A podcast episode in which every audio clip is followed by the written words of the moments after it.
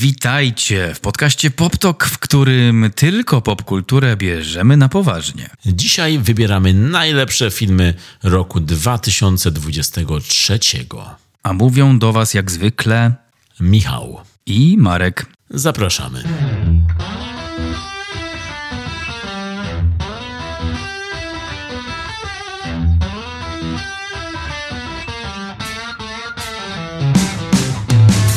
Wanna hear a funny story? Czy to będzie na zasadzie What a Story Mark? Tak, chyba tak. No to dawaj. W końcu jestem Mark. I masz story. Tak, Do tell. Dzisiaj wychodząc na siłownię, Czy to jest koniec historii? Po prostu chciałeś powiedzieć, że chodzić na siłownię? tak, poproszę brawa. Dobra, dziękujemy. What a story Mark. Proszę walidację. W końcu nowy rok, no to raz trzeba iść na siłownię. Raz w styczniu tam, wiesz, I odhaczone. Mm, cele trzeba realizować. Ja dzisiaj właśnie próbowałem zrealizować ten cel, część i wyszedłem na klatkę, żeby schodową, rzecz jasna, żeby zamknąć drzwi i wychodzi mój sąsiad, właściwie syn sąsiadów, patrzy się na mnie, zamykamy drzwi. On wychodzi z psami i ja zamykam swoje drzwi. Stoimy i patrzymy na siebie w ciszy, po czym Patrzycie na siebie, w tle leci muzyczka. tak leci. Em, co mogło lecieć w tle? Celine Dion, Nie, to zbyt grube. Może jakieś ale wersja ta na flecie taka, wiesz, romantic flute. There was a flute. Myślę sobie, że bardziej takie świerszcze. Stoimy i nie wiemy, co się dzieje, i ja byłem trochę z, zmieszany, bo nie wiedziałem, czemu tak długo na mnie patrzy. I po tej przerwie powiedział do mnie młody chłopak, y, 15-18 lat. Powiedział ciao. Ciał? Tak, tak, tak jak y, we Włoszech mówią do siebie ludzie, witając się. Tak samo na bałutach mówią do siebie ludzie, witając się. Najwyraźniej. Y, Więc ja odpowiedziałem dzień dobry, na co słyszałem jest pan z Polski? Mieszkam tu ponad rok. Twój sąsiad od roku zastanawiał się, jak do ciebie zagadać. Drzwi w drzwi.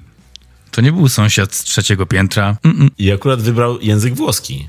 Czyli przez ten rok różne języki rozważał, aż w końcu powiedział: Dobra, postawię na włoski. I dobrze postawił w sumie, biorąc pod uwagę mieszankę genetyczną, jaką, o jaką moja rodzina zadbała, ale w- I mean, znam ciao, ale oprócz komesta nie powiem za dużo.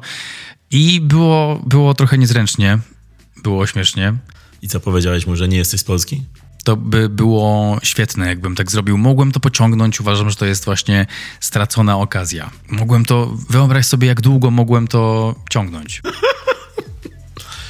Mogłeś po prostu też powiedzieć: Nie, nie jestem i odejść. Także y, dziwna historia, bo no tak, no niby mieszkamy obok siebie, a jednak zasłużyłem sobie jakoś na miano Włocha albo gościa, który odpowiada ciao. No kurde, mogłem odpowiedzieć ciao, come sta? Ciao, cappuccino? I zaoferować się, zaprosić go do siebie i z psami oczywiście, zaoferować, zaoferować mu cappuccino i zacząć do niego mówić po włosku. Moje życie byłoby zupełnie inne. A tak to, no widzicie, tak to jestem zwykłym Polakiem, który podcast ma od czasu do czasu. Czyli już na dzielnicy wszyscy wiedzą. Nie, on nie jest, on nie jest Włochem, słuchajcie. Już całe bałty wiedzą. Polak zwykły. No, teraz się zacznie. Do tej pory byłem jeszcze chroniony troszeczkę, ale teraz już, teraz już będą groźby słowne, bo wtedy się obawiali, że nie zrozumiem, a teraz już wiedzą, że po polsku, no to... No to, to było What a Story Mark. Dobry sposób, żeby zacząć odcinek podsumowujący ubiegły rok. A powiedz mi, a to by się zdarzyło, żeby ktoś cię pomylił z niepolakiem i powiedział do ciebie, nie wiem, koniciła? Ale tak wyglądam? Tak, tak, tak, te włosy, Też te szerokie oczy. szerokie oczy. Słuchaj, no opowiadałem ci już kiedyś historię, e, kiedy jeden z moich uczniów w podstawówce spytał mnie, czy jestem... Podniósł rękę, wstał i zadał pytanie, czy pan jest... Ma pan nazwisko Miller, czy pan jest Niemcem czy Żydem? Pa- Pamiętam, ale powiedział jakieś e, guten tag? No nie, nie, nie, nie użył żadnego języka konkretnego. Znaczy oprócz polskiego. Ale jeśli chodzi o tego typu przywitania. Nie, nie. Dobrze, no to, to były historie. Twoja historia była podsumowaniem całego roku mieszkania tutaj, więc my możemy podsumować cały rok oglądania filmów i cały rok nagrywania tego podcastu, wybierając najlepsze filmy. O niektórych mówiliśmy, o niektórych może nie mówiliśmy, to się okaże. Rok 2023. Marek, jak go będziesz wspominał ten rok? W roku 2023 nauczyłem się wiele rzeczy. Nauczyłem się obsługiwać metro w Londynie. Ale obsługiwać w sensie prowadziłeś metro? Tak. Nauczyłem się też, że Steven Seagal to jednak jest złoto i jest niedoceniany, zwłaszcza podczas festiwalu Camera Image. No a propos festiwali, no to... Ale nie mówisz tutaj o politycznych upodobaniach Stevena Seagala, tylko o jego filmach. Tak, tak, tak, tak. Jego filmy. Filmy, w których jest i w których ma dziwne relacje, niecodzienne relacje z ludźmi. Ale powiedziałem o festiwalu Camer Image. Byliśmy w tym roku na kilku festiwalach. Ja zliczyłem cztery. FKA Splat i Camera Image. Zgadza się. Były, tak, to wszystkie, cztery. Więc tak na serio, no to to był bardzo filmowy rok. Tak, dużo się działo. Rzeczywiście te festiwale były bardzo bogate i też je bardzo będę dobrze tutaj, myślę, w dzisiejszym odcinku wspominał, ponieważ część z tych filmów, które wybierzemy, e, nie wiem jak ty, a pewnie też oglądałem na tych festiwalach e, albo na jednym z tych festiwali. No i jeśli miałbyś powiedzieć, czy ten rok był dobry dla filmów, do oglądania filmów, dobry rok w kinie, jak to było? Czy ten rok był dobry dla filmów dla kina? Dla filmów przecinek dla kina? No tak, nie powiedziałem tego w ten sposób, ale teraz tak ci streściłem to. Okej, okej, okej. Czyli streściłeś pytanie wydłużając je. Po to tu jesteśmy, każda minuta jest cenna.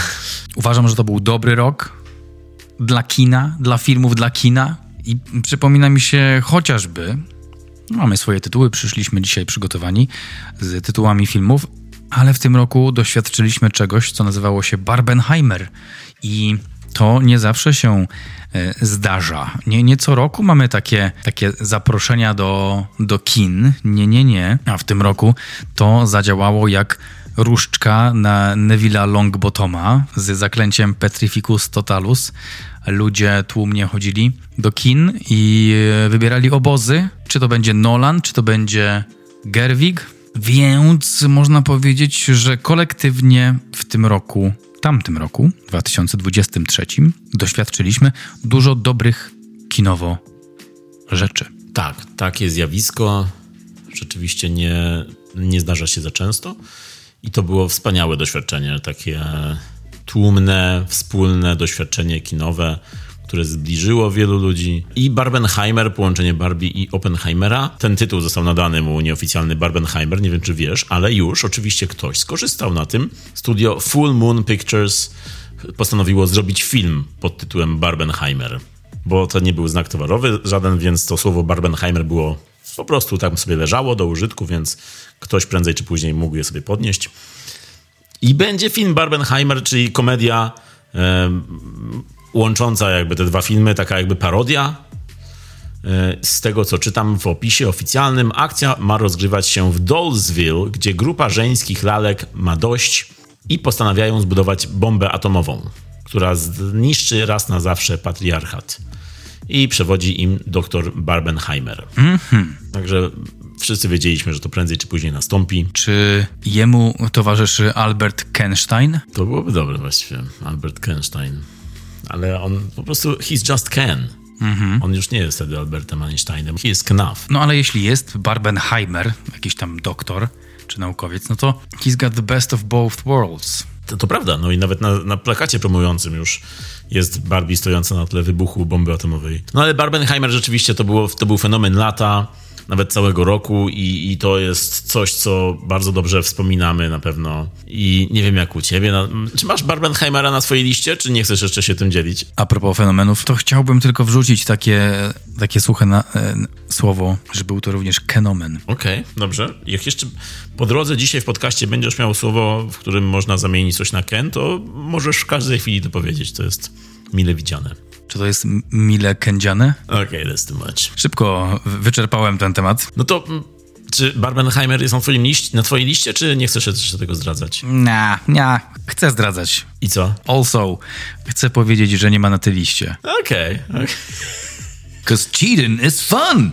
Okej, okej. Okay, okay. To jest przesłanie dla dzieci, wszystkich słuchających. Mam, mam Oppenheimera, ale Barbie nope. Czyli masz połowę jakby, okej, okay, okej. Mam połowę, tak, mam, mam, mam Heimera. no właśnie. Dobrze, no to w każdym razie u mnie Barbenheimer mm, był wielkim wydarzeniem, ale myśl, wydaje mi się, że te filmy razem tworzyły coś wyjątkowego, bo kiedy rozbierze się je już na części pierwsze i te filmy się osobno ogląda, to wydaje mi się, że już nie mają takiej siły. Mimo, że nadal są bardzo fajne i dobrze się, bardzo mi się dobrze oglądało i dałem, dałem każdemu po ósemce, chociaż tak naprawdę powinienem dać 7+, plus, e, ze względu właśnie na to, że, że wyniosło je w górę to doświadczenie. Ale tak, ale rzeczywiście nie ma żadnego z nich u mnie na liście top 2023. I jeśli bym miał wracać chyba do jednego z tych filmów, to powiem ci, że prędzej bym chyba wrócił do Barbie i obejrzałbym jeszcze raz Barbie niż Oppenheimera. Okej, okay, cool, cool. Czemu? Oppenheimera widziałem dwa razy i wydaje mi się, że to wystarczy na bardzo długi czas, bo to jest jednak trzygodzinny film o facetach siedzących w gabinetach i rozmawiających głównie. A Barbie jest takim dobrą zabawą. Jest tam dużo śmiechu, jest, e, są kolory, tak, i to mi wystarczy. Jest śmiech i kolory. Mm -hmm, to -hmm. mogę wracać już. I jest Will Ferrell, też tym bardziej mogę wracać. Także wydaje mi się, że prędzej wrócę do Barbie niż do Oppenheimera teraz już. Wrócisz do Willa, nie do Barbie. Nie, do Margo też. I Ryan, o i Ryan jeszcze jest tam. No nie, no tam jest dużo rzeczy, które chętnie bym odwiedził jeszcze raz. Dobrze, Michał, no to y, ja ciebie nie powstrzymuję. Mam na liście Oppenheimera, Barbie się nie pojawiło, ale to jest coś, o czym jeszcze porozmawiamy w tym odcinku, znaczy w tym roku, um, zważywszy na to, że troszkę podróżowaliśmy. Masz jakiś swój ulubiony festiwal, który który się wydarzył. Mówię o 2023, rzecz jasna. Chyba ciężko byłoby mi wybrać jeden e, najlepszy, bo wszystkie te cztery, które wymieniłeś, po kolei tam był Octopus, Festiwal Kamera Akcja, Splat i Camera Image Wszystkie cztery miały naprawdę coś wyjątkowego i wszystkie cztery to były świetne doświadczenia. No być może oprócz mojej części chorobowej na kamery Image, która mnie troszkę ubodła. Ale, ale tak to jeśli chodzi o same festiwale, o filmy oglądane, o doświadczenie, y, no to to wszystkie cztery były świetnym, świetnym przeżyciem. I w przyszłym roku mam nadzieję, że znowu je odwiedzimy tak jak w każdym kolejnym. A ty, czy masz jakiś jeden konkretny? A teraz przechodząc do naszych wyborów najlepszych filmów roku 2023. Michał. Czyli nie masz. Czyli mnie zadałeś to pytanie, chciałeś, żebym ja się tutaj ponamyślał, a ty po prostu chciałeś przejść gładko dalej. Tak, ja chciałem cię wrzucić pod autobus, jak to się mówi. Mm -hmm. Nie, myślę, że nie, nie wrzuciłbyś mnie, bo nie ma takiego festiwalu, który mi się nie podoba. Chyba, że jest to festiwal, nie wiem, piosenki katolickiej. Ale jakbyś miał wybrać, jakbyś spojrzał na swoje dzieci, miałbyś powiedzieć, które kochasz bardziej, to jaki festiwal kochasz bardziej? To jest bardzo łatwe pytanie, bo mam jedno dziecko. Wyobraź sobie, że masz dwójkę. Wyobrażam sobie, że mam dwójkę i nadal widzę jedno dziecko. Powodzenia. I, no, ale ja oczywiście rozumiem Twoją odpowiedź, zgadzam się z nią, e, uosabiam się z tym. Tym bardziej, że każdy z tych festiwali ma coś odrębnego, coś charakterystycznego. Octopus ma te swoje um, imersyjne wydarzenia, imersyjne seanse. Um, Splat no, jest kinem, świętem kina gatunkowego. Festiwal Kamera Akcja jest miejscem dialogu um, widzów, krytyków. No i Camera Image jest miejscem, gdzie obraz, strona wizualna jest celebrowana. Także każdy ma coś innego i to jest właśnie fajne. Czyli ty żadnego z tych festiwali nie lubisz, nie szanujesz, tak? Dobrze, dobrze zrozumiałem, Marek? Zrozumiałeś totalnie na opak, ale okej. Okay. Ale co jeszcze ważne w tym roku minionym? No to, to był rok strajków też. Były dwa strajki, strajk scenarzystów i strajk aktorów, które przeciągnęły się, trwały dłużej niż powinny. I kiedy ostatni raz w 2008 roku był taki strajk, to później przez kolejne lata lata czuliśmy konsekwencje tego strajku. I teraz to, że w ubiegłym roku przez długie miesiące trwał e, ten, ten zastój w produkcjach, no to teraz jeszcze tego nie czujemy, bo były filmy już gotowe, które miały swoje premiery, ale być może w następnym roku, czyli w tym roku i w najbliższym czasie, w najbliższych latach będziemy widzieli reperkusje i, i poczujemy być może to, że ten strajk odcisnął jakieś piętno. Zobaczymy. Pamiętam ten czas, kiedy seriale telewizyjne musiały być kręcone bez scenarzystów i były tam całe sezony, w których nic się nie działo, albo działy się rzeczy nagle dziwne. Serial robił się z wow, super serialów jednym sezonie nagle, nagle robił się bardzo złym serialem, bo nie było scenarzystów i później oni wrócili i kolejny sezon był już znowu dobry. Więc jestem ciekaw, jak, jak to teraz e, wypadnie w streamingu, w kinie, w telewizji. A masz jakiś e, konkretny serial, jakiś przykład serialu, w którym właśnie jeden albo dwa sezony były takie sobie i potem ktoś wrócił i wow, we're back! Pamiętam, że było tak z serialem Lost, Zagubieni. Dobry tytuł na taki właśnie przypadek. tak, zagubili się scenarzyści nagle przez rok. Gdzie byli tutaj, a nie ma ich. No i przez jeden sezon pamiętam, że ten serial nagle stracił na jakości i mimo, że on już był bardzo zagmatwany i tam się działy dziwne rzeczy, to te dziwne rzeczy zaczęły się jeszcze bardziej piętrzyć i nikt ich nie tłumaczył. I pamiętam, że tam, tam, było, tam był spadek jakości właśnie przez to. Nie, tylko tam. Czy był w tym roku film, który tak wyjątkowo cię zachwycił? E, bo pamiętam, że rok temu połączył nas jeden film w, na szczycie naszych topek i jeden film, który wybraliśmy, jeden film, one film to rule them all. One man. One Desire. Także w tamtym roku wybraliśmy jeden film i było to Wszystko Wszędzie Naraz i to była taka rewelacja. Mhm. Mam takie wrażenie, że to było w tym roku. Prawda? A czy w tym roku było jakieś Wszystko Wszędzie Naraz? Czy w tym roku było Wszystko Wszędzie i Naraz? No ja nie miałem takiego filmu, który byłby wszystkim wszędzie naraz. Były filmy bliskie temu, ale to był, to był może troszeczkę spokojniejszy rok. Spokojniejszy rok. To były takie wyważone bardziej filmy. U mnie, w moim przypadku. Wszystko wszędzie naraz jednak. Ja wracam do tego filmu, bo, bo bardzo mi się podobał, ale w tym roku podobnego kandydata nie mam. Patrzę jeszcze na swoją listę. Nie, mam, mam w, w, na liście takich honorowych wzmianek, ale, ale nie w topie. Jeśli o mnie chodzi też Uważam, że to był bardzo dobry rok filmowo. Było dużo filmów, do, z których, między którymi wybierałem i miałem dylematy, i było ogólnie dużo bardzo dobrych filmów ale nie było żadnego filmu, któremu bym wystawił dziesiątkę, jako tą maksymalną notę, tak jak właśnie dostało Wszystko Wszędzie Naraz rok temu. To rzeczywiście u mnie, u mnie podobnie. Ale mimo to, że tej dziesiątki nie było w 2023, no to było naprawdę dużo dobrego i było też trochę złego, ale o tym pogadamy w następnym odcinku, co było najgorsze, a teraz może po prostu przejdźmy do, do naszych rankingów najlepszych filmów z zeszłego roku. No to idziemy od miejsca piątego do miejsca pierwszego. Numer 5. Spider-Man poprzez e, multiversum. Spider-versum, multiversum, zależy kto mówi. Jak mówi Miles Morales, to jest Spider-versum, ale, ale jak mówi to Miguel, to postać z, z, z tej bajki, no to nie podoba mu się ta nazwa. Ja ją lubię. Spider-Versum i jest na piątym miejscu u mnie poprzez to versum. Kontynuacja jedynki i jest to druga część, która oczekuje na swoją trzecią część. Y, według mnie twórcy jeszcze podnieśli poprzeczkę jeszcze wyżej i trójka to jest coś, na co bardzo, bardzo czekam. Ten film oglądałem nawet, nawet w ostatnich tygodniach e, coraz częściej. Odpalałem sobie. Miałem to, to samo z pierwszą częścią, jak wyszła. Jest to historia, na której często się wzruszam i no, animacja jest po prostu szalona. Jest, jest szalenie dobra. Robię to samo z drugą częścią. Odpalam sobie co jakiś czas, żeby przypomnieć sobie ten feeling. Czekam na trzecią. Co mogę powiedzieć? Miles Morales zdecydowanie odświeżył świat Spider-Manów. Dobry wybór, bardzo dobry film, którego ja nie umieściłem w swojej topce. Pewnie dlatego, że czekam właśnie na trójkę, żeby zobaczyć, jak dwójka z trójką się uzupełniają, i wtedy dopiero będę mógł jakoś to sobie ułożyć lepiej. Na razie tak, bardzo mi się podobało i tak jak ty mam, że chętnie wrócę do tego filmu i chętnie obejrzę też kolejną część.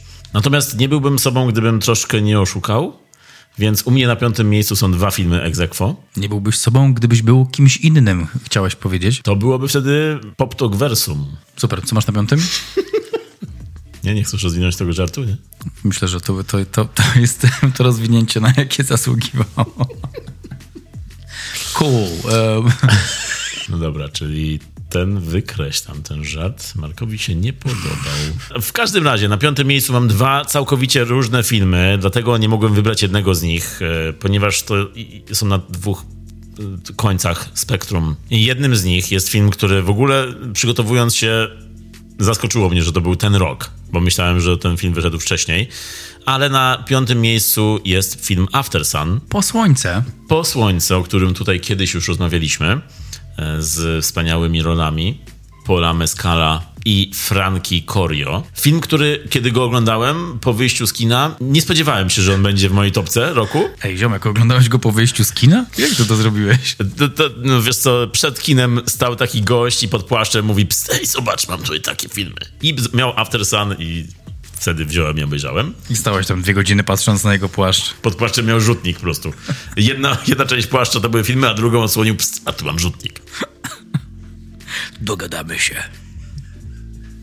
No, także tak to były okoliczności, w których obejrzałem After Sun. w ciemnej alejce, w deszczu. Tak to sobie wyobrażam. Mm -hmm. Obudziłeś się w bramie, zakurzony, pomyślałeś, mogłem zginąć, ale fajny film obejrzałem. I wtedy właśnie nie spodziewałem się, że będzie w mojej topce, mimo że mi się bardzo podobał. To nie było takie, to nie była taka miłość od pierwszego wejrzenia, ale ten film jest taki, że bardzo rośnie w sercu i bardzo się dużo o nim myśli. I dzisiaj, myśląc właśnie o tym filmie, uważam, że jest, że ma swoje miejsce w tej top filmów zeszłego roku. To są oczywiście filmy, które miały swoją premierę w zeszłym roku, więc polską premierę. Tego jeszcze nie powiedzieliśmy, bo to wybieramy wśród filmów, które miały polską premierę w 2023, bo ten film ogólnie wyszedł, miał swoją światową premierę w 2022, ale u nas wszystko jest później, jak zawsze. Ale dobry wybór, dobry wybór i widzisz, ja ten film potraktowałem jako film wcześniejszy i nie wrzuciłem do topki, a jako, że zasada, którą przyjęliśmy, to właśnie ta, o której powiedziałeś, no to bardzo dobrze, że przyniosłeś ten film ze sobą, bo warto o nim mówić. Też go kilka razy widziałem i polecam ten film. Chwyta mnie za serce. Scena tańca w ciemnej dyskotece z utworem Under Pressure w, w, w remiksie właściwie e, z Freddie Mercurym i, i Davidem Bowie. To jest coś, co, co mnie zawsze chwyta. Tak, jest tutaj dużo takich scen, które od razu przychodzą na myśl, kiedy wspomina się ten film. I jest też dużo uczuć, które się odczuwa od razu, które się odczuwało wtedy na seansie. Także to jest duża, duża siła tego takiego bardzo prywatnego um, filmu jej tej reżyserki Charlotte Wells. No i to jej debiut reżyserski. Prawda. I też czekamy na kolejne filmy od niej, bo zapowiada się mocny nowy głos. Czekamy, aż przestanie być debiutantką. To, to chcemy powiedzieć. Get a life! Jakby Ridley Scott powiedział właśnie tak. Tak, no ale ten jej pierwszy film jest bardzo szczery, szczery do bólu, pełen subtelnych e, tropów emocji, wzlotów i upadków. No i jest taki cichy, ale bardzo głośny, bardzo głośno wybrzmiewa. I dlatego go umieściłem na piątym miejscu egzekwo, ponieważ drugi film, z którym go zestawiłem, jest przeciwieństwem, czyli jest bardzo, bardzo głośny. Od początku do samego końca to jest wielkie przedstawienie, epickie wręcz. Trzy godziny siedzenia w kinie, trzy godziny filmowo-muzycznych wrażeń, jakich nie widziałem dawno, dawno. Czy wiesz o czym mówię? Czas Krwawego Księżyca? Nie, nie. To byłoby trzy godziny filmowych wrażeń, a tu jest filmowo-muzycznych wrażeń. Filmowo-muzycznych wrażeń. E, John Wick? A, to byłoby filmowo... to byłoby filmowo strzelają... Nie, filmowo-akcyjnych wrażeń. Nie wiem, nie, nie mam. Wiem, tar. Yy, nie. Michał, idealnie się wpasowuje w ten y, opis, więc to musi być ten film. To prawda, to się dobrze wpasowuje, ale nie ma trzech godzin ten film. Dobrze, no to hmm, muzyczny film długi na trzy godziny. Hmm. Hmm, hmm, hmm. Wszyscy słuchacze już raz, no przecież, no Marek, no nie wiesz. Myślę, że podałem idealny typ. Ty po prostu e, bawisz się nami, słuchaczami. Tak, tak naprawdę mam na myśli półtora godzinny film bez muzyki, film niemy, żeby cię zmylić. No dobrze, wiem, że chodzi o maestro. No, to też by pasowało, ale on nie ma trzech godzin. Dobra, skończmy to. Go, zadajesz świetne zagadki. E, dziękuję, dziękuję, o to mi chodziło. Ale to jest też film, który zaskoczyło mnie, że to był 2000... Dobra, dobra, dobra, dobra. Już dziękujemy ci bardzo za rebusy. To jest też film, który zaskoczyła mnie informacja, że to był 2023 rok. To może ciebie też zaskoczy. Może, może ty też stwierdziłeś, że to w tym roku wyszło? Let's have it. Tytuł, poproszę Już, tytuł. Na pewno? Jesteś pewien? I mówię oczywiście o filmie Tar. Nie. wow, that's Tar. funny. Tarnowskie Góry. Nie. Funny guy. A chodzi mi oczywiście o film Babylon. Okej, okay, to było największe rozczarowanie w porównaniu z oczekiwaniem tego na to, co będzie. Dlaczego? Nie. Proszę powiedzieć, czemu Babylon? To był styczeń 2023. Pierwszy mocny, wielki seans zeszłego roku. Czyli naprawdę bardzo mocny początek bardzo dobrego roku. Film, który nie miał może tak wiele fanów, jak spodziewał się Damien Chazelle, jego reżyser i scenarzysta. Ale jeśli ktoś jest fanem tego filmu, to wydaje mi się, że jest takim zagorzałym fanem, bo to jest święto dla kinofilii. Te trzy godziny, które opowiadają o historii kina, o początkach, no nie początkach, ale o, o, rozwoju kina, kiedy z kina niemego stało się kinem dźwiękowym i ta wczesna era Hollywood i jego gwiazd, wzlotów i upadków jest przedstawiona z taką pompą i w tak piękny sposób, że nie potrafiłem tego nie docenić i oglądałem te trzy godziny naprawdę z otwartą buzią i to było wielkie doświadczenie. Większe doświadczenie niż Oppenheimer czy Barbie, e, patrząc na nie osobno. Film, który tak z Wilka z Wall Street w pierwszym akcie zmienia się w końcu w przestrogę rodem z F. Scotta Fitzgeralda, a w finale trochę zalatuje nawet Jean-Luciem Godardem. E, tutaj odwołuje się do tego montażu hitów, blockbusterów filmowych, które bohater ogląda w kinie. Film, w którym nie wszystko trafia, ale jak już trafia, to z podwójną siłą. No i ta muzyczno-filmowa energia to jest coś niebywałego. Soundtrack można katować do tego filmu, także ja jestem bardzo, bardzo na tak. Do tego te filmy razem, After Sun i Babylon, dwa całkowicie inne filmy, ale musiały się znaleźć na mojej topce. Again, fajnie, że wspominasz o Babilonie, no bo to było duże wydarzenie 2023 roku, filmowe. Ja akurat miałem tyle szczęścia, że oglądałem ten film w, Anglii jeszcze, jak byłem na wycieczce. Bardzo przyjemne doświadczenie, natomiast nie wrzucałem go do topki, ponieważ ten film według mnie jest zarezerwowany dla określonej grupy ludzi. Nie każdy to doceni, tam jest naładowanych jednak mnóstwo rzeczy z y, kinematograficznych, takich, które dotyczą historii kina. Absolutnie nie, nie pomyślałbym o nim jak o muzyczno, jak to nazwałeś? Filmowo-muzyczny spektakl. Filmowo-muzycznym spektaklu. Filmowo-muzyczne doznanie bardziej. Filmowo-muzycznym doznaniu. Filmowo-muzyczne trzy godziny. Filmowo-muzyczne trzy godziny. Echo. Filmowo-muzyczne echo. No nie wiem, mm, może filmowe tak. Filmowe bardziej niż muzyczne. Muzyczne nie, że tam jest non-stop muzyka i ta, ten soundtrack Justina. Wow, wiesz gdzie jest jeszcze soundtrack? Wszędzie. A ale w tym filmie grają ży na żywo muzykę cały czas. Jest wiecznie impreza, jest y, nabuzowane. Taśma filmowa buzuje od emocji. I, I to jest super, ten film się da. No, ale to zgadzam się z tym, co mówisz. To nie jest film dla każdego. Na szczęście to jest nasz prywatny, osobisty ranking. Z którym się nie zgadzam. Na tym polega nasz dialog. Mm, przepraszam, patrzę na oceny na Filmwebie. Marek Szczepański, 8 na 10. Aha. Nie można obojętnie przejść obok tego tytułu. Czy słyszysz, żebym był obojętny? Nie, nie jesteś obojętny wobec mojego rankingu również. tak się droczymy tutaj w PopTok. Oczywiście, ja to doceniam. Czyli dwa wybory. Dwa wybory na piątym miejscu, czyli tak naprawdę sześć miejsc, ale... Ci. Czy na kolejnych miejscach też masz dwa tytuły? Już nie, już to był jeden taki przypadek. Czyli dwa końce spektrum, teraz rozumiem czemu powiedziałeś dwa końce spektrum, bo jeden jest wyważony i taki pod powierzchnią subtelny, a drugi jest... Dok dokładnie taki. To był dźwięk wciągania koksu. Dobrze, no to twoje czwarte miejsce, Marek? Numer cztery. Numer cztery to u mnie Czas Krwawego Księżyca, e, ósemka z serduszkiem, jeśli dobrze pamiętam. Martin Scorsese i obejrzałem ten film chyba dwa razy, dwa razy w kinie, raz na festiwalu Camera Image drugi raz w, w IMAX. Yy, wchłonąłem muzykę. A, bo nie wiem, czy wiesz, ten film ma muzykę, ma soundtrack. Czyli trzy godziny filmowo-muzycznych wrażeń, tak? Tak, tak, tak dokładnie. Do tego zmierzasz? Tak, tak powinienem to otworzyć. Poczekaj, na trzecim miejscu też mam trzy godziny filmowo-muzycznych doznań. Martin Scorsese wrócił z tytułem, który bardzo mi, bardzo u mnie wylądował. Lubię historię młodych Stanów Zjednoczonych. Osagowie nie byli mi znani wcześniej. Historia ich plemienia jest teraz już całkowicie w mojej świadomości. Bardzo doceniłem tę historię i sposób, w jaki Martin ją opowiedział. Na to składa się też fantastyczny występ DiCaprio, De Niro, aktorów, którzy im towarzyszyli. Jest tam też Lily Gladstone. Bardzo dobrze mi się oglądało. Cieszyłem się, że ją zobaczyłem po raz kolejny na ekranie. A propos aktorów, to w ogóle w Babilonie też wydaje mi się, że jedna z tych, z tych, jeden z tych filarów no to też jest, to są aktorzy i mi bardzo do gustu przypadł Brad Pitt w tamtym filmie. To, mm. było, to było dla mnie świetne, co tak. on tam zrobił. Tak, to prawda. No i Margot Robbie to jest bardzo jej rok. Margo robi ten rok. Świetnie powiedziane.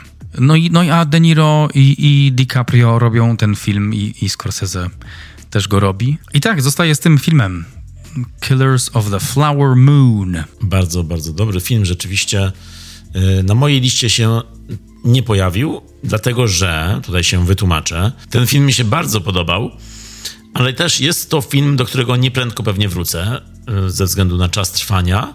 Także bardzo lubię ten film, rzeczywiście bardzo mi się podobał i bardzo doceniam, ale nie jest może na, na szczycie w piątce tej mojej topki E, bardziej wybierałem filmy, które, do których chętnie wrócę, które wywołały na mnie, we mnie najwięcej emocji, ale na pewno Czas Krwawego Księżyca był blisko tej topki. Um, także bardzo się cieszę, że u ciebie się pojawił, bo to jest dobrze, dobrze się uzupełniamy na razie. No to Michał, twoje czwarte miejsce. Powiedz mi, jaki, jakie doznania muzyczno-filmowe miałeś tym razem? Na moim czwartym miejscu jest półtorej godziny doznań muzyczno... Nie, no, półtorej godziny doznań filmowo-horrorowych. Muszę tutaj polecieć w kino gatunkowe, troszkę zrównoważyć twój wybór czasu Krwawego Księżyca. Moim horrorem, e, chyba najlepszym horrorem zeszłego roku. No, czekaj, tak, na pewno najlepszym horrorem zeszłego roku, o którym tutaj mówiliśmy w tym podcaście, mieliśmy odcinek poświęcony, zresztą chyba w większości filmów, o których do tej pory powiedzieliśmy, na, na, na ich temat mówiliśmy w, już wcześniej w odcinku. A na czwartym miejscu u mnie jest film Mów do mnie, talk to me. Braci Raka Raka. Czyli horror pełen twistów, skerów i pomysłów, który bardzo zręcznie przechodzi od imprezy do koszmaru w Trymiga. Film, który może się pochwalić fajową stylówką, no i ma świetną główną rolę, o której myślę, że się za mało mówiło w tym roku. Sophie Wilde w roli głównej. No to jest jedno z moich odkryć tego filmu. To jest Świetna, niejednoznaczna postać, świetnie zagrana przez tę aktorkę. A ten film ma sobie kilka innych odkryć, czyli nie tylko aktorka, ale też właśnie jego twórcy, reżyserzy i scenarzyści bracia Filipu, znani też jako Raka Raka na YouTubie. No i sam film był też dużym odkryciem, nie tylko dla mnie, ale dla całego świata, bo to była sensacja festiwalu w Sundance. Zresztą historię tego filmu opowiedzieliśmy bardzo dokładnie w naszym odcinku o tym filmie. No ale Mów do mnie jest e, jednym z najlepszych horrorów i kiedy obejrzałem go w kinie, poczułem się trochę jak kiedyś obejrzałem Krzyk. Nie jest oczywiście tak dobry jak Krzyk, ale też towarzyszyły mi takie takie pozytywne emocje, jakbym odkrył coś nowego, dobrego, jakiś nowy, dobry głos e, w horrorze. Także bardzo, bardzo to doceniam. Bardzo dobry wybór. Mów do mnie. Miał się pojawić na mojej liście, ale przeoczyłem myślę, przeczytałem daty premier. Możesz jeszcze go dopisać do swojej listy, jak chcesz. Mogę. Wszystko ale, ty możesz. Ale nie dopiszę. Już jak ty wspomniałeś, to, to dobrze. To jest już takie... To już, już się... Jak to się mówi, jak to mówią starzy magicy, dokonało się. Magicy tak mówią? No Gandalf by tak powiedział. A, okej, okay. dobrze. Czyli rozumiem, że to była taka kurtuazja z twojej strony. Dobry wybór. Ja prawie go wstawiłem na swoją listę, ale za późno już tak? Ale źle przeczytałem daty. That's the reason. Ale mówisz o filmie Mów do mnie i ja już tobie mówię. Mów do mnie, co masz na trzecim miejscu, Marek. U mnie na trzecim miejscu jest, jesteśmy w temacie horrorów i to jest taki horror bardzo realny, e, bo filmem, który ja rzuciłem na trzecie miejsce jest to film Zielona Granica w reżyserii Agnieszki Holland. Prawdziwy horror, taki, którego nie doświadcza się w piwnicy z porcelanową ręką, ale taki, którego no nie chciałby nikt nigdy doświadczyć i nikt, nikomu nigdy nie życzy czegoś takiego. Bardzo dużo kontrowersji wokół filmu. Oglądaliśmy go podczas festiwalu Kamera Akcja. Pani Agnieszka Holland niestety nie mogła dojechać z przyczyn bezpieczeństwa. Były próby wstrzymania tego seansu, także dużo wokół hałasu i chaosu i bardzo się cieszę, że udało nam się jednak obejrzeć zarówno film, jak i wywiad z reżyserką i w ogóle z twórcami. Bardzo to był cenny seans, trudny, ale cenny i potrzebny. Mm, jest to też film, który wywołuje sporo tarć. I tu wracając do anegdotki z początku tego nagrania, może nie do końca jestem Polakiem, ale oglądając ten film, myślę, że Polacy powinni też na niego zerknąć i przemyśleć rzeczy, które są tam pokazane bez y, takiego z góry bagatelizowania tego filmu lub zakładania jakichś intencji reżyserce. Także tak, Zielona Granica. Tak, bardzo, bardzo dobry film, głęboko ludzki, empatyczny i film, który, no jeden z lepszych polskich filmów na pewno ostatnich lat, który rzeczywiście podzielił widownię. My też o nim mówiliśmy już w jednym z poprzednich odcinków. Co ciekawe, ten film jest chyba jedynym filmem na Filmwebie, który nie ma oceny widzów, nie ma średniej oceny. Usunęli na Filmwebie ocenę widzów tego filmu. Oh man, serio? Tak, ponieważ wiadomo, była ona tak bardzo zaniżana przez e, tych, co bojkotują. Straszne. Tak, że jest tylko ocena krytyków przy tym filmie. Co jest z jednej strony bardzo mi się nie podoba rzeczywiście podejście polskich widzów, a zwłaszcza filmwebowiczów do tego filmu, ale też z drugiej strony usuwanie może oceny, no to jest po co? Nie, nie widzę sensu, to jest takie jakby ukrywanie czegoś, co wszyscy i tak rozumiemy, dlaczego się dzieje, a w ten sposób jeszcze można też bardziej podżegać tych ludzi, żeby jeszcze bardziej hejtowali.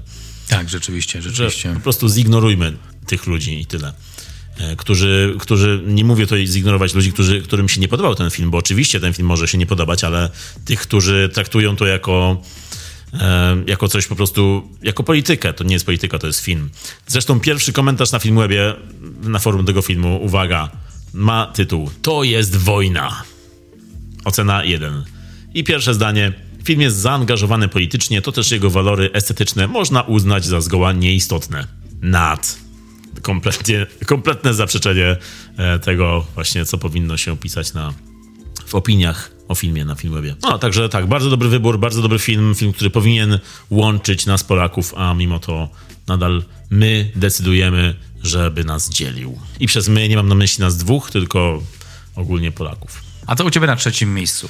Na moim trzecim miejscu jest też film, który dzielił publiczność, ale nie podzielił aż tak bardzo, jak byśmy tego chcieli, jakbym ja tego chciał, albo jego twórca nawet jakby tego chciał. Oh, Michał, co tam masz? Czyli film, który troszkę został mm, niesłusznie pominięty lub też bardziej niedoceniony, e, mimo wielkiej, wielkiej skali, ponieważ chodzi mi tu o film Bo się boi. O, rzeczywiście, kurczę, to był ten rok. Czemu ja tego filmu nie mam na liście? Ciekawe, no opowiadaj. Czy przez ten rok miałeś na myśli grudzień 2023 po prostu? Tak, tak. Patrzyłeś tak. tylko na filmy z grudnia. Dokładnie, dokładnie. Bo się boi, czyli film Ariego Astera, film, w którym Ari się obnaża przed nami, widzami, bardzo dosłownie i przenośnie. Obnaża się, obnaża się, tylko on chyba obnaża innych, on obnaża swoich przyjaciół, tak? Bo to nie były jego, to nie są jego historie, tylko to są efekty wywiadów z przyjaciółmi.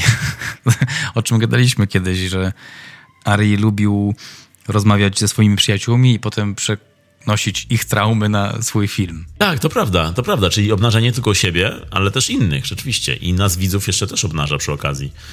E, tak, ponieważ on swój punkt widzenia bardzo ma tutaj, bardzo jaskrawy, bardzo...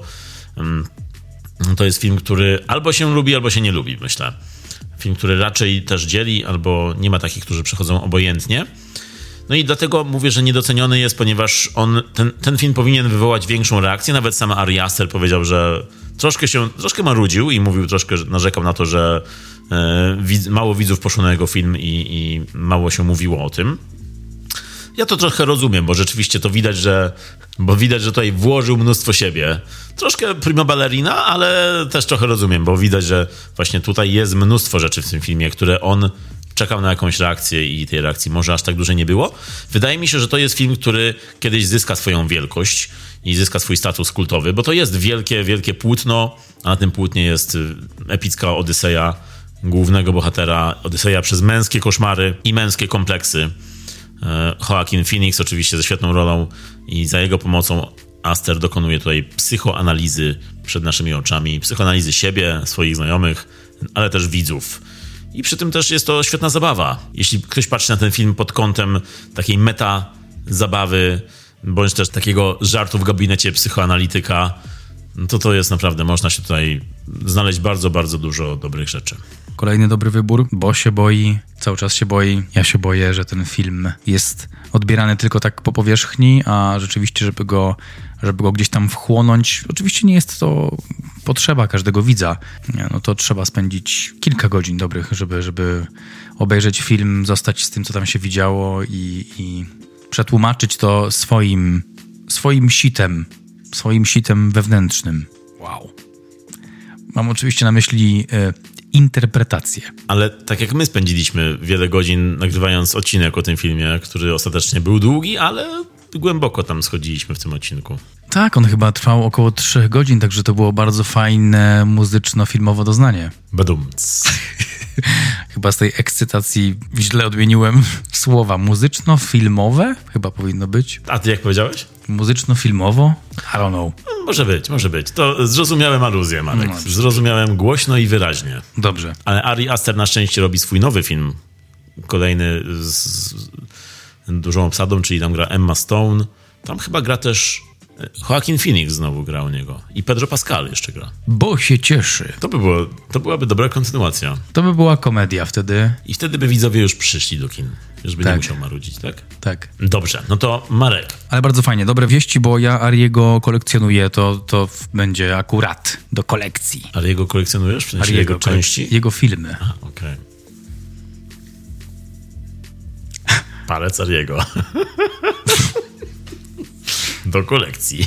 Mam kawałek ucha i paznokcia u stopy. Brzmi jak Ariaster rzeczywiście. No, to, to on. To cały on. Właściwie jeszcze nie cały. Słuchaj, no to co, co jest na twoim drugim miejscu? To jest już, wchodzimy tutaj w ścisłą czołówkę. Ja, mój drogi, w mojej czołówce mam coś nie z tej ziemi. Po prostu tytuł, który e, był dla mnie zaskoczeniem i nigdy bym nie pomyślał, że wywoła we mnie większe emocje. I jest to dosłownie w- tytuł nie z tej ziemi, ponieważ chodzi o Strażników Galaktyki Volume 3. Tak myślałem, jak powiedziałeś nie z tej ziemi, to tak czułem, że chodzi o, o strażników. No i tutaj g- głównie przede wszystkim ze względu na Roketa i jego historię i na to, jak ta jego perspektywa właściwie zmieniła całkowicie Strażników Galaktyki. W moich oczach to, to nagle zrobiła się trylogia o Rokecie i o jego przeszłości i o tym, co on musiał przejść, żeby być w tym miejscu, w którym był. I on się stał najbardziej dynamiczną postacią z tych wszystkich postaci dopiero w trzeciej części, kiedy zrozumieliśmy, co tam się wydarzyło w jego życiu.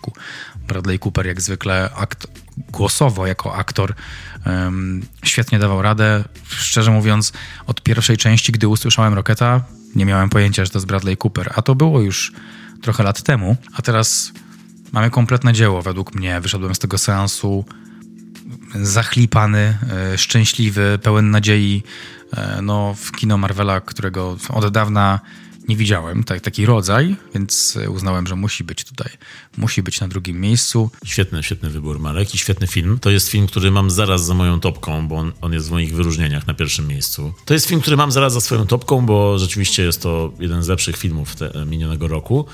Ale na pewno jest to najbardziej wzruszający film. To jest największe wzruszenie chyba 23 roku. No to Twoi Strażnicy, Galaktycy na drugim. U mnie na drugim jest e, inny sequel, bo u ciebie była trzecia część, u mnie będzie czwarta część serii.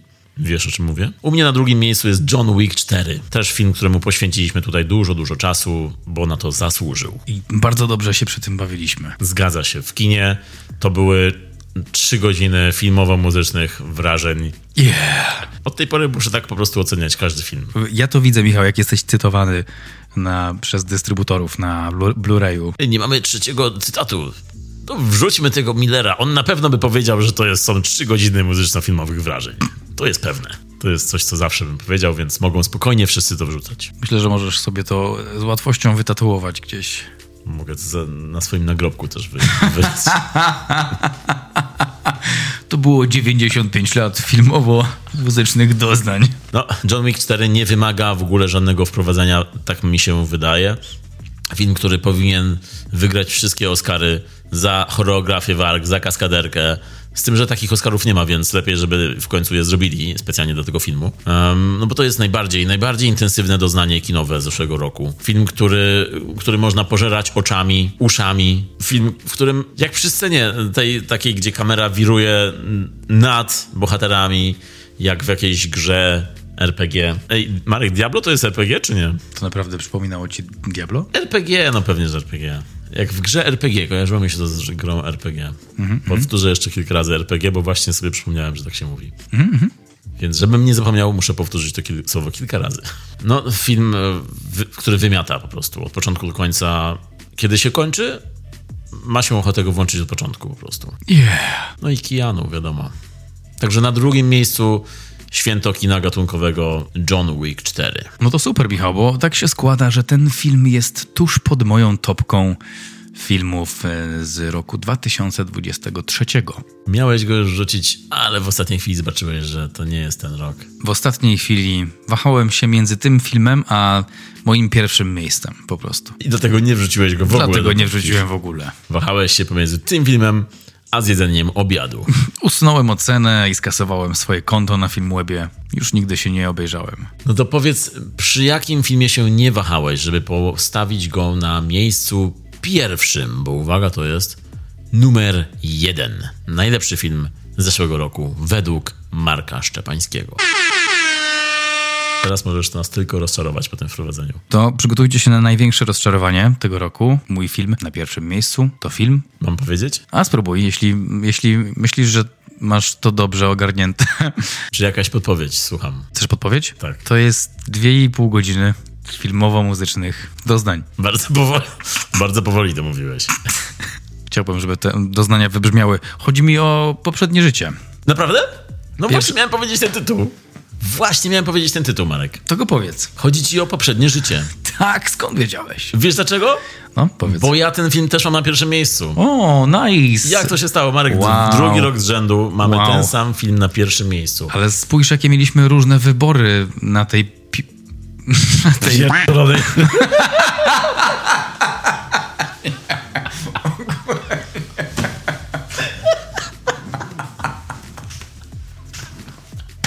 Chciałem powiedzieć na Wiem, co piątce. chciałeś powiedzieć.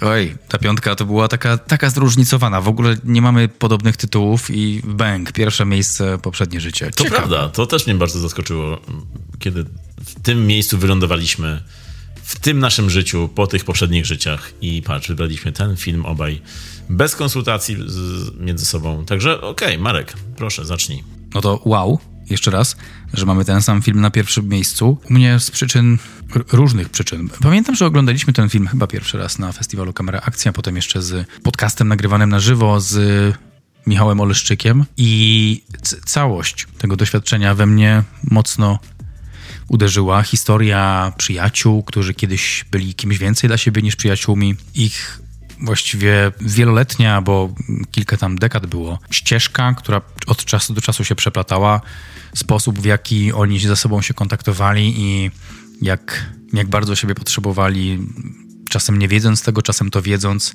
No to było bardzo życiowe doświadczenie takie, które wydaje mi się jest dosyć, można, można się z nim uosobić i tutaj reżyserka dużo do tego filmu przeniosła ze swojego życia. Też dało się to odczuć. E, Ten koncept poprzednich żyć jest, jest czymś, z czym osoby mogą być bardzo za, zaprzyjaźnione. No bo mamy czasem takie osoby, które spotykamy i myślimy sobie, o, to jest jakbym znał tę osobę od jakiegoś czasu dłuższego. Nie od dzisiaj, mimo że dzisiaj się poznaliśmy. I myślę, że takie uczucie towarzyszyło widzom podczas oglądania tego filmu. Scenariusz mm, mm, sprawia wrażenie takiego sprawdzonego przez czas. Wydaje mi się, że ten film będzie trwał i będzie jeszcze ważny w, za wiele lat. Dużo tam było takiej niewyrażonej chęci do tego, żeby ci ludzie byli razem ze sobą. Miałem w sobie takie impulsy, żeby to właśnie skończyło się tak hollywoodzko i tak szczęśliwie, że oni się odnajdują po tych latach i jest pięknie i cudownie, ale twórcy zdecydowali się pójść w stronę bardziej samoświadomą, w której to główni bohaterowie sobie zdają sprawę z tego, jakimi bohaterami tej historii są. Mówię tutaj o mężu głównej bohaterki, który dosłownie powiedział, że jest, że w typowej historii takiej amerykańskiej on stałby im na drodze do szczęścia i to była bardzo trafna obserwacja. Między innymi też dlatego podobał mi się ten film. Podobała mi się ta relacja ich głównych bohaterów. I w ostatnich minutach filmu, no tam się dużo dzieje. Tam się dużo dzieje, jak jesteśmy z tymi bohaterami cały czas przez te dwie godziny filmowo-muzycznych doznań. Dziękuję, możesz na tym zakończyć. To jest moment, w którym możemy zakończyć ogólnie każdą recenzję. Ale tak, no zgadzam się, bardzo dobrze powiedziałeś, Marek, bardzo ładnie to opisałeś. Ja też myślę, że to jest najlepszy film ubiegłego roku. Współczesny klasyk. No, Już można tak o tym powiedzieć, o tym filmie, bo to jest film z wielką, wielką siłą i potężną dawką takiego prawdziwego żyćka do trawienia po seansie. Bo w trakcie seansu co się czuje, to jest jedno, ale po seansie, co się o tym filmie myśli, to jest już e, coś zupełnie innego, to jest co- coś, coś więcej. można zauważyć dużo rzeczy, można przemyśleć e, wiele rzeczy, można przełożyć też wiele rzeczy z tego filmu na własne doświadczenia życiowe, bo ten film nawiązuje taką unikalną więź z widzem. I seans poprzedniego życia to jest trochę taka psychoterapia po własnym poprzednim życiu, czy to uczuciowym, czy innym. Myślę, że bardzo ważna i bardzo potrzebna y, nawet Wam słuchającym, więc jeśli jeszcze nie widzieliście poprzedniego życia, to zachęcamy Was. Skoro jest na pierwszym miejscu naszych obu topek, to coś znaczy, że obaj nie mamy gustu. To jest jedna rzecz. Ale może znaczyć też coś całkowicie innego. Sami się przekonajcie. Dajcie nam znać w ogóle, co to znaczy, bo my sami nie wiemy. Dajcie znać tam w wolnej chwili. Co, co, może, może, coś, może, może coś źle interpretujemy. To może brzmieć dziwnie, jak wychodzi od osób, które 90% czasu podcastu mają suche żarty i bardzo, w bardzo niesmacznym klimacie i nagle się okazuje, że obaj uwielbiamy film o, o no co tu dużo gadać, wielkiej miłości bardzo głębokiej relacji, więzi. Więc e, to może być, to może być dziwne, ale dajcie sobie czas z tym, dajcie nam znać po prostu. Tak, to jesteśmy my w pigułce po prostu, pełni przeciwności, pełni dylematów. Z jednej strony Keanu Reeves, z drugiej strony Celine Song. No, a propos Celine Song, to jest jej też debiut reżyserski i też czekamy na to, co jeszcze pokaże e, w kinie, bo widać, że ma dużo do, do zaoferowania. No to podsumujmy, jak wyglądają nasze topki. Może ja powiem od końca do początku. U mnie było to After Sun, Babylon, Mów do mnie, Bo się boi, John Wick 4 i Poprzednie życie. U mnie to był Spider-Man, potem Czas Krwawego Księżyca, potem Zielona Granica, Strażnicy Galaktyki i Poprzednie Życie. Wyróżnienia? Wyróżnień mam bardzo dużo. Uuu, Mam bardzo dużo. o 100 osobny odcinek podcastu będzie. Bardzo dużo. Wyobraź sobie dużo, to ja mam tego bardzo. Mm, 6. Więcej. Uuu, okej. 48. Wow. No tak z 12. Okej, okej. To proszę, zacznij swoje wyróżnienia. Chciałem powiedzieć o filmie, który nie miał premiery w Polsce, ale miał w 2023 roku. I widzieliśmy go na festiwalu Kamera Akcja. Film Hirokazu Koreda, reżysera od filmu Baby Broka. Ten film, który widziałem, to film Monster o relacji dwóch chłopców, którzy. Hm, teraz sobie przypominam relacje tych chłopców, że tam były takie momenty bardzo zabawne. E, odkrywają siebie troszeczkę i świat wokół nich, i e, tych chłopców spotkało coś raczej strasznego, coś, co w rodzinach zdarza się częściej niż powinno. No ale oni ten wspólny świat sobie odkrywają i próbują nawiązać przyjaźń. To jest właśnie ta przyjaźń, która mi podobała się na ekranie, troszkę jak w filmie Lucasa Donta Blisko, Blisko. Też historia przyjaźni dwóch młodych chłopców, troszeczkę inna. W Monster to wygląda według mnie może nie tyle cieplej, co bardziej znajomo. Jednak to tworzenie świata dwóch chłopców przez dwóch chłopców i cała kreatywność temu towarzysząca to jest coś, co e, jest po prostu dla mnie znajome.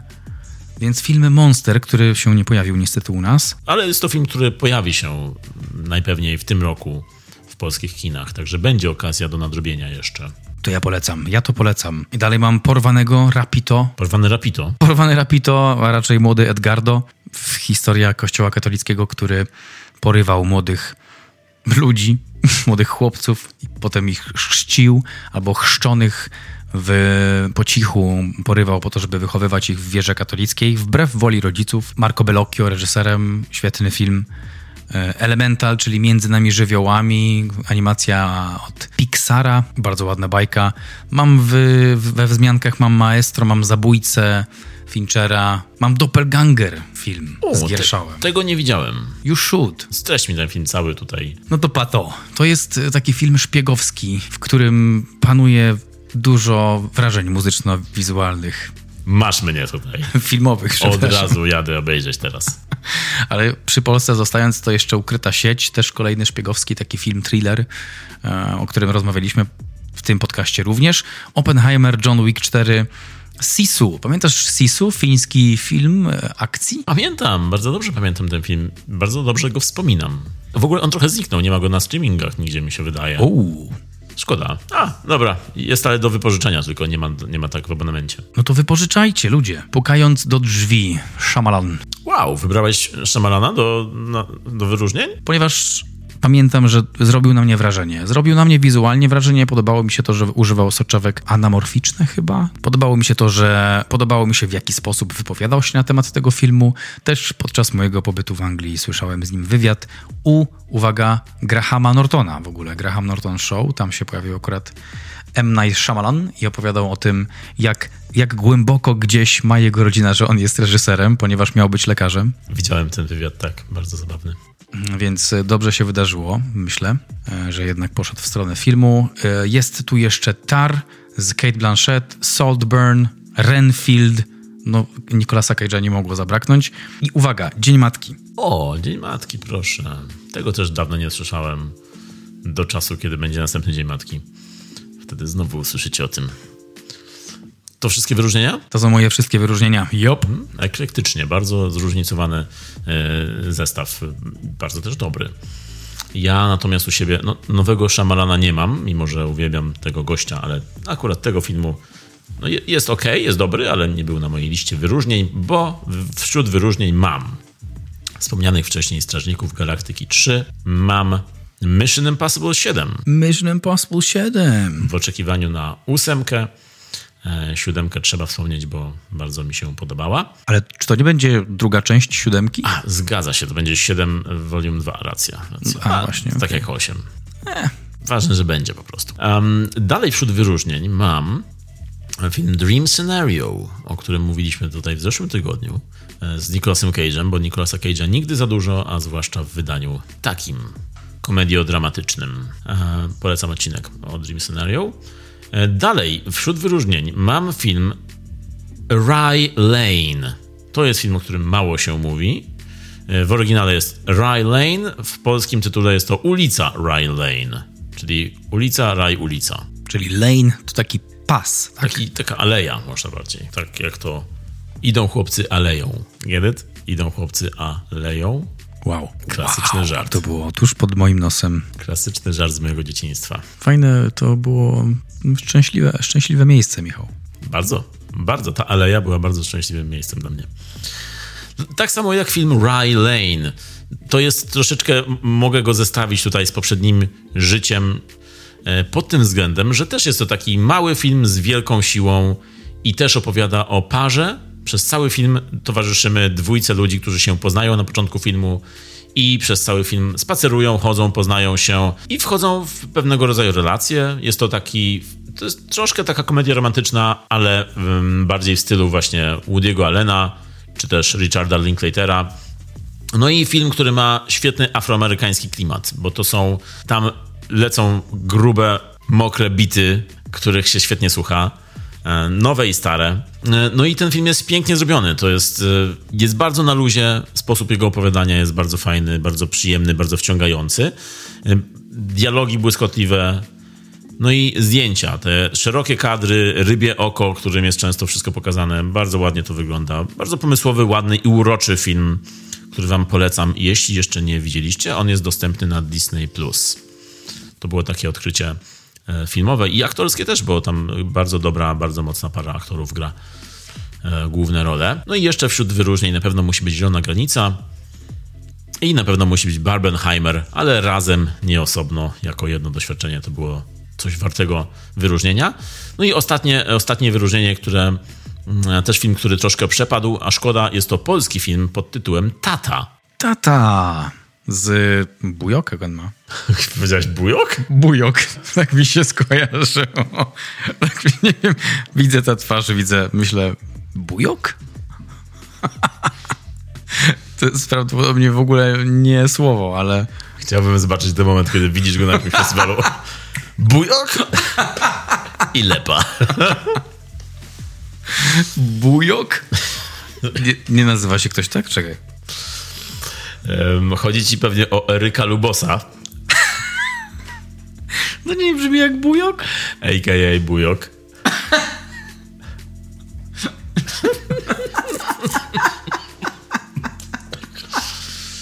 Czemu? To jest odkrycie, odkrycie tego odcinka. Bujok. Eryk Lubos wygląda jak bujok. Umywam ręce od tego. Wszystko to jest na ciebie. Czy ja teraz powiedziałem jakieś sekretne hasło FBI? Nie ma tego nigdzie. Zostałeś aktywowany w tym momencie, kiedy powie słowo bujok. Jest y, w agencji aktorskiej Skene An Anna Diuk, myślnik Bujok. O, o, to na pewno o nią ci chodziło. Prawie jak Eryk Lubos. Oh man, dobra, już, już skończyłem mówić. To było, to było, tak, to było piękne, ale niestety musimy przejść dalej do tego, co chciałem powiedzieć o filmie. Film Tata, komediodramat, który obejrzałem w 2022 roku na festiwalu Kamera Akcja, ale miał swoją premierę w Polsce w 23 lutym i już wtedy nazwałem go takim feel good road movie roku. I nieprzypadkowo, bo on jest rzeczywiście bardzo kojący, bardzo pozytywny, bardzo dobrze nastrajający, pełen takich życiowych zakrętów. Zakrętów nieprzypadkowo, bo to jest o kierowcy ciężarówki, który musi przewozić, właściwie nie musi, ale decyduje się przewieźć e, w trasę córkę i jej najlepszą przyjaciółkę, która jest Ukrainką. Także tak, to jest film poruszający w pewien sposób relacje Polska-Ukraina, choć był y, jeszcze napisany przed sytuacją na Ukrainie. No i film, który bardzo zręcznie, zwłaszcza jak na polskie warunki, łączy te gatunki, łączy tematy i jest naprawdę bardzo, bardzo uroczy. No i Eryk Bujok w głównej roli, no... Myślę, że zapamiętamy to nazwisko na długo dzięki temu filmowi. Tak, także top tirowy Eryk Lubos może do niego dołączyć. Jest tam Sylvester Stallone, jest tam Andrzej Załucha w swoim teledysku i jest tam już Eryk Lubos, znany też jako Bujok. Myślę, że ktoś mu to przekaże. Ktoś mu poda, ej, słyszałeś ten odcinek tego podcastu? Wiesz, jak się nazwali?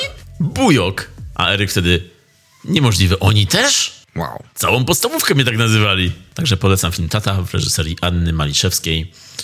E, I to było moje ostatnie wyróżnienie. Skromne, ale jak to powiedział Gajos? Złote. Złote. Skromne, tak. Mało horrorów w tym roku, więc żeby było więcej, to jeszcze był Krzyk 6 i Noc Dziękczynienia, które też może zasługują na wzmiankę, ale taką tylko króciutką i szybką.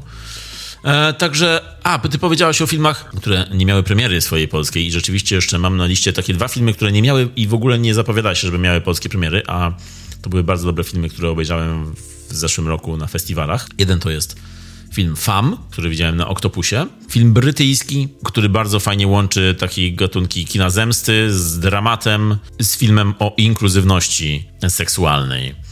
No, bardzo, bardzo dobry film. Zarówno gatunkowo, jak i też emocjonalnie bardzo mocno uderza. I drugi film to jest Palenie powoduje kaszel. Najzabawniejsza komedia z zeszłego roku. Najzabawniejsza komedia, którą obejrzałem w zeszłym roku. Było to na festiwalu Splat. Film Quentina Dupie, o którym kiedyś tu mówiliśmy już. E, ale też nie ma niestety, niestety polskiej premiery. Pewnie jakoś niedługo się pojawi na streamingu, także obserwujcie. Palenie powoduje kaszel, uśmiejecie się. No to są filmy, o których pamiętam, że mówiłeś, ale ja ich nie widziałem i przypomniałeś mi jeden tytuł, o którym nie wiem, czy mogę mówić, bo e, obiecałem, że tego nie zrobię. Gra tam Bujok? Oczywiście żartuję, mogę powiedzieć, jest to film, w którym operatorem jest Giovanni Ribisi i był wyświetlany film na Camera Image. Nie wiem, czy będzie miał premierę w Polsce, nie, nie zapowiada się na to. Natomiast jest to bardzo fajny film akcji. Bardzo odpalony, taki tarantinowski wręcz film akcji, w którym wszystko jest bardzo jaskrawe, czerwone, intensywne, e, żywe. Film nazywa się Strange Darling. Oczywiście jest to angielski tytuł, ponieważ polskiego nie ma. E, jak już mówiłem, Giovanni Ribisi jest tam operatorem, a Giovanni to jest taki drugoplanowy aktor, który często się pojawiał w filmach, produkcjach amerykańskich. Też odwiedził festiwal Camera Image i brał udział w konkursie na debiut operatorski, ponieważ był to jego debiut. Ja ten film polecam. To było zdecydowanie zaskoczenie. Myślałem, że wyjdzie bardzo nudno, ale bardzo pozytywnie mnie zaskoczył. To jest taki film zamiast kawy, żeby ciśnienie skoczyło. Słuchaj, no to zanim zakończymy ten odcinek, to ja mam też film, który mnie jeszcze zaskoczył mm, pozytywnie. O, o. Natomiast jest to film, na który wybrałem się do kina.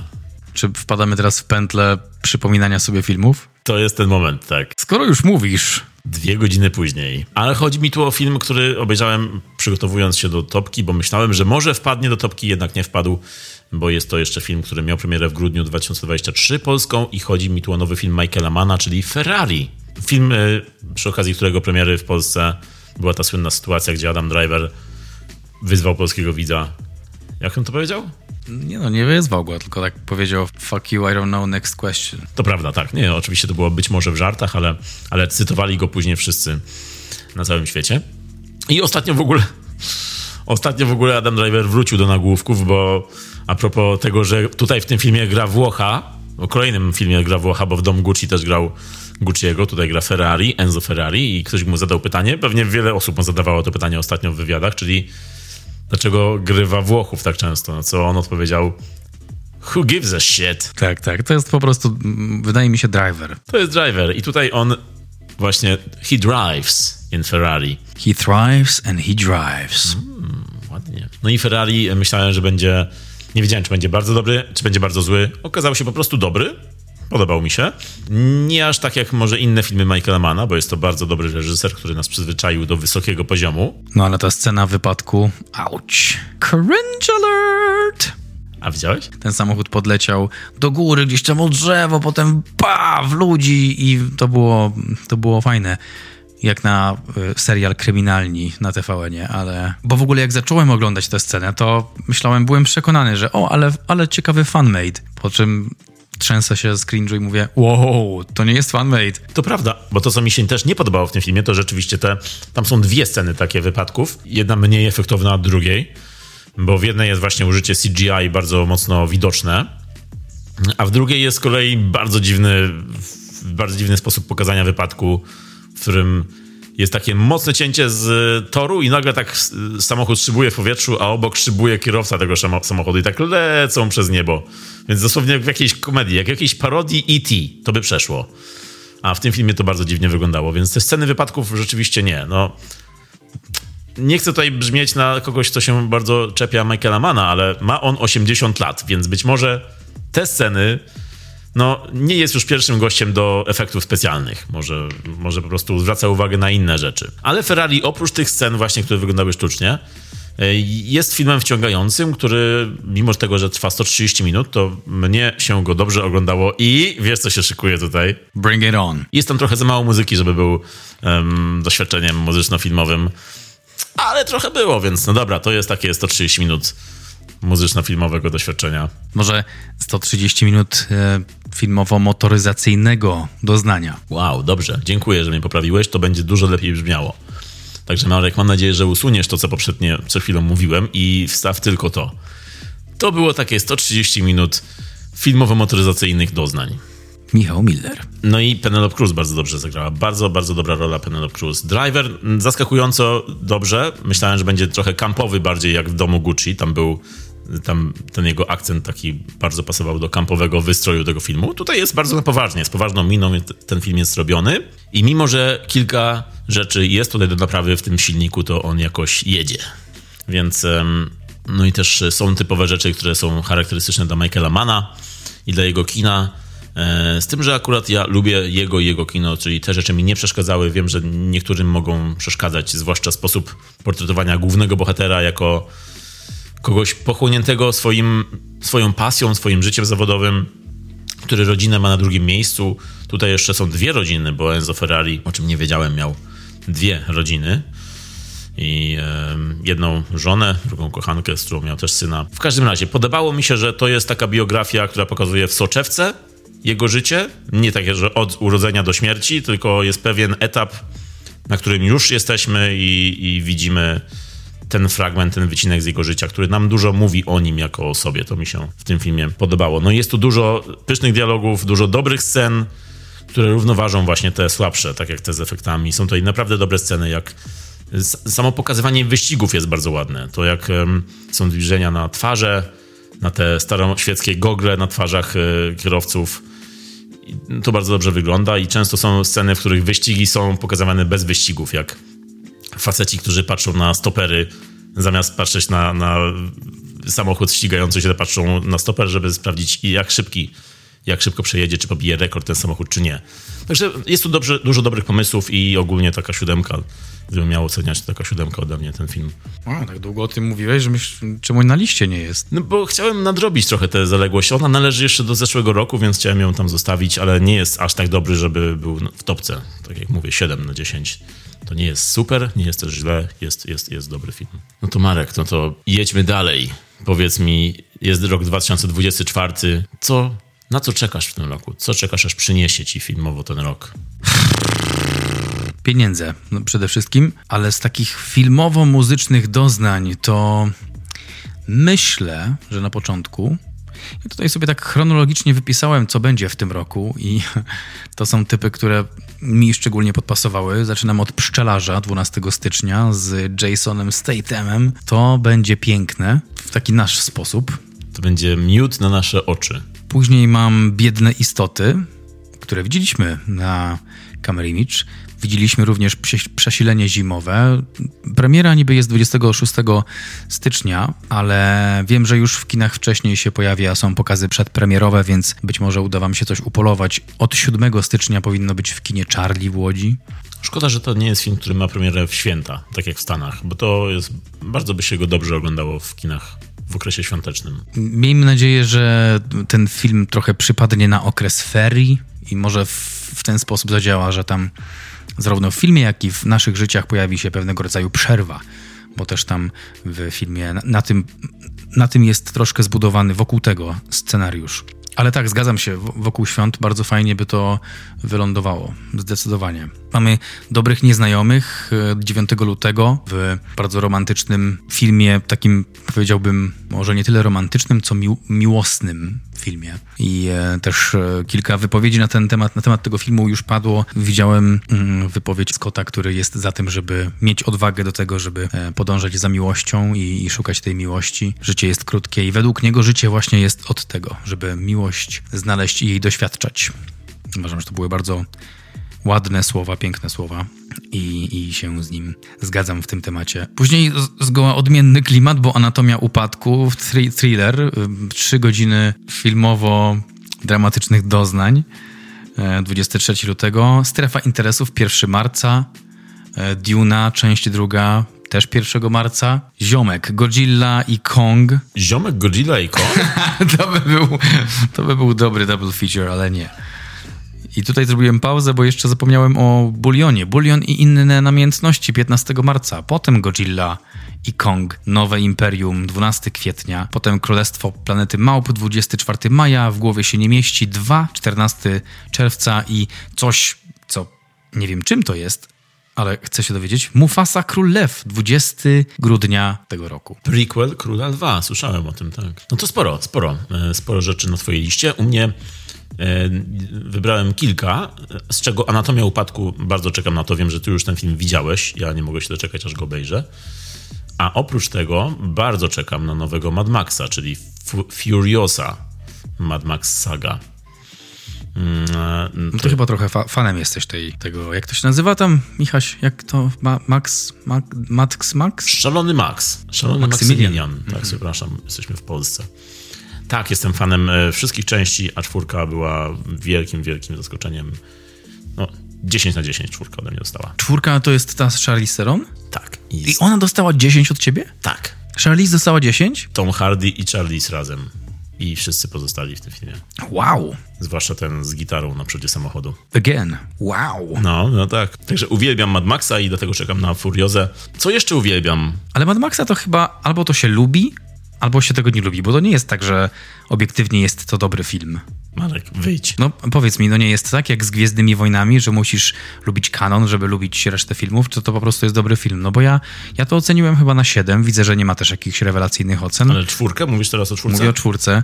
Ty wyskoczyłeś na mojej liście na Filmwebie 10 z serduchem i chyba jeszcze jedna osoba, a pozostałe... Jak już dwie, to już jest it's a thing. To jest, jest mniejszość jednak. O, nie, ten film ma raczej bardzo dobre opinie, jest bardzo dobrze oceniany wśród fanów kina akcji przede wszystkim, bo to jest naprawdę kino akcji, które pompuje krew w żyłach. Po prostu czujesz, jak ci płynie ta adrenalina połączona z olejem i czujesz zapach spalin.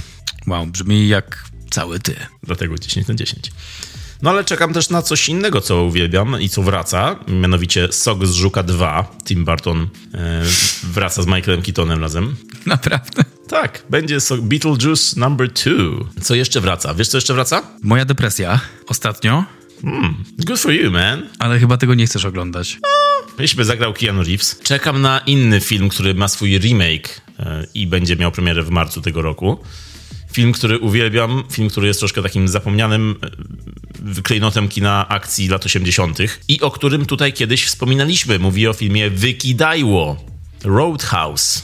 Nice. E, remake Wykidajły, w którym zamiast Patricka Swayze będzie grał Jake Gyllenhaal główną rolę. Czekam bardzo na ten film. E, A oprócz tego jeszcze Nosferatu, czyli nowy Robert Eggers. Nosfera to nowy Robert Eggers do kolekcji. Tak, z Willemem Defoe i innymi. No i, e, i, i, i film, jeszcze jeden na mojej liście, czyli drugi film reżyserki Saint Maud, świetnego horroru sprzed paru lat. Nowy film ma tytuł Love Lies Bleeding i gra tam Kristen Stewart. I to jest takie kino akcji, w którym Kristen Stewart gra razem z bodybuilderką, która jest bardzo napakowana i to ma być mocne kino akcji, w którym główne role grają kobiety i już sam plakat tego filmu wygląda imponująco.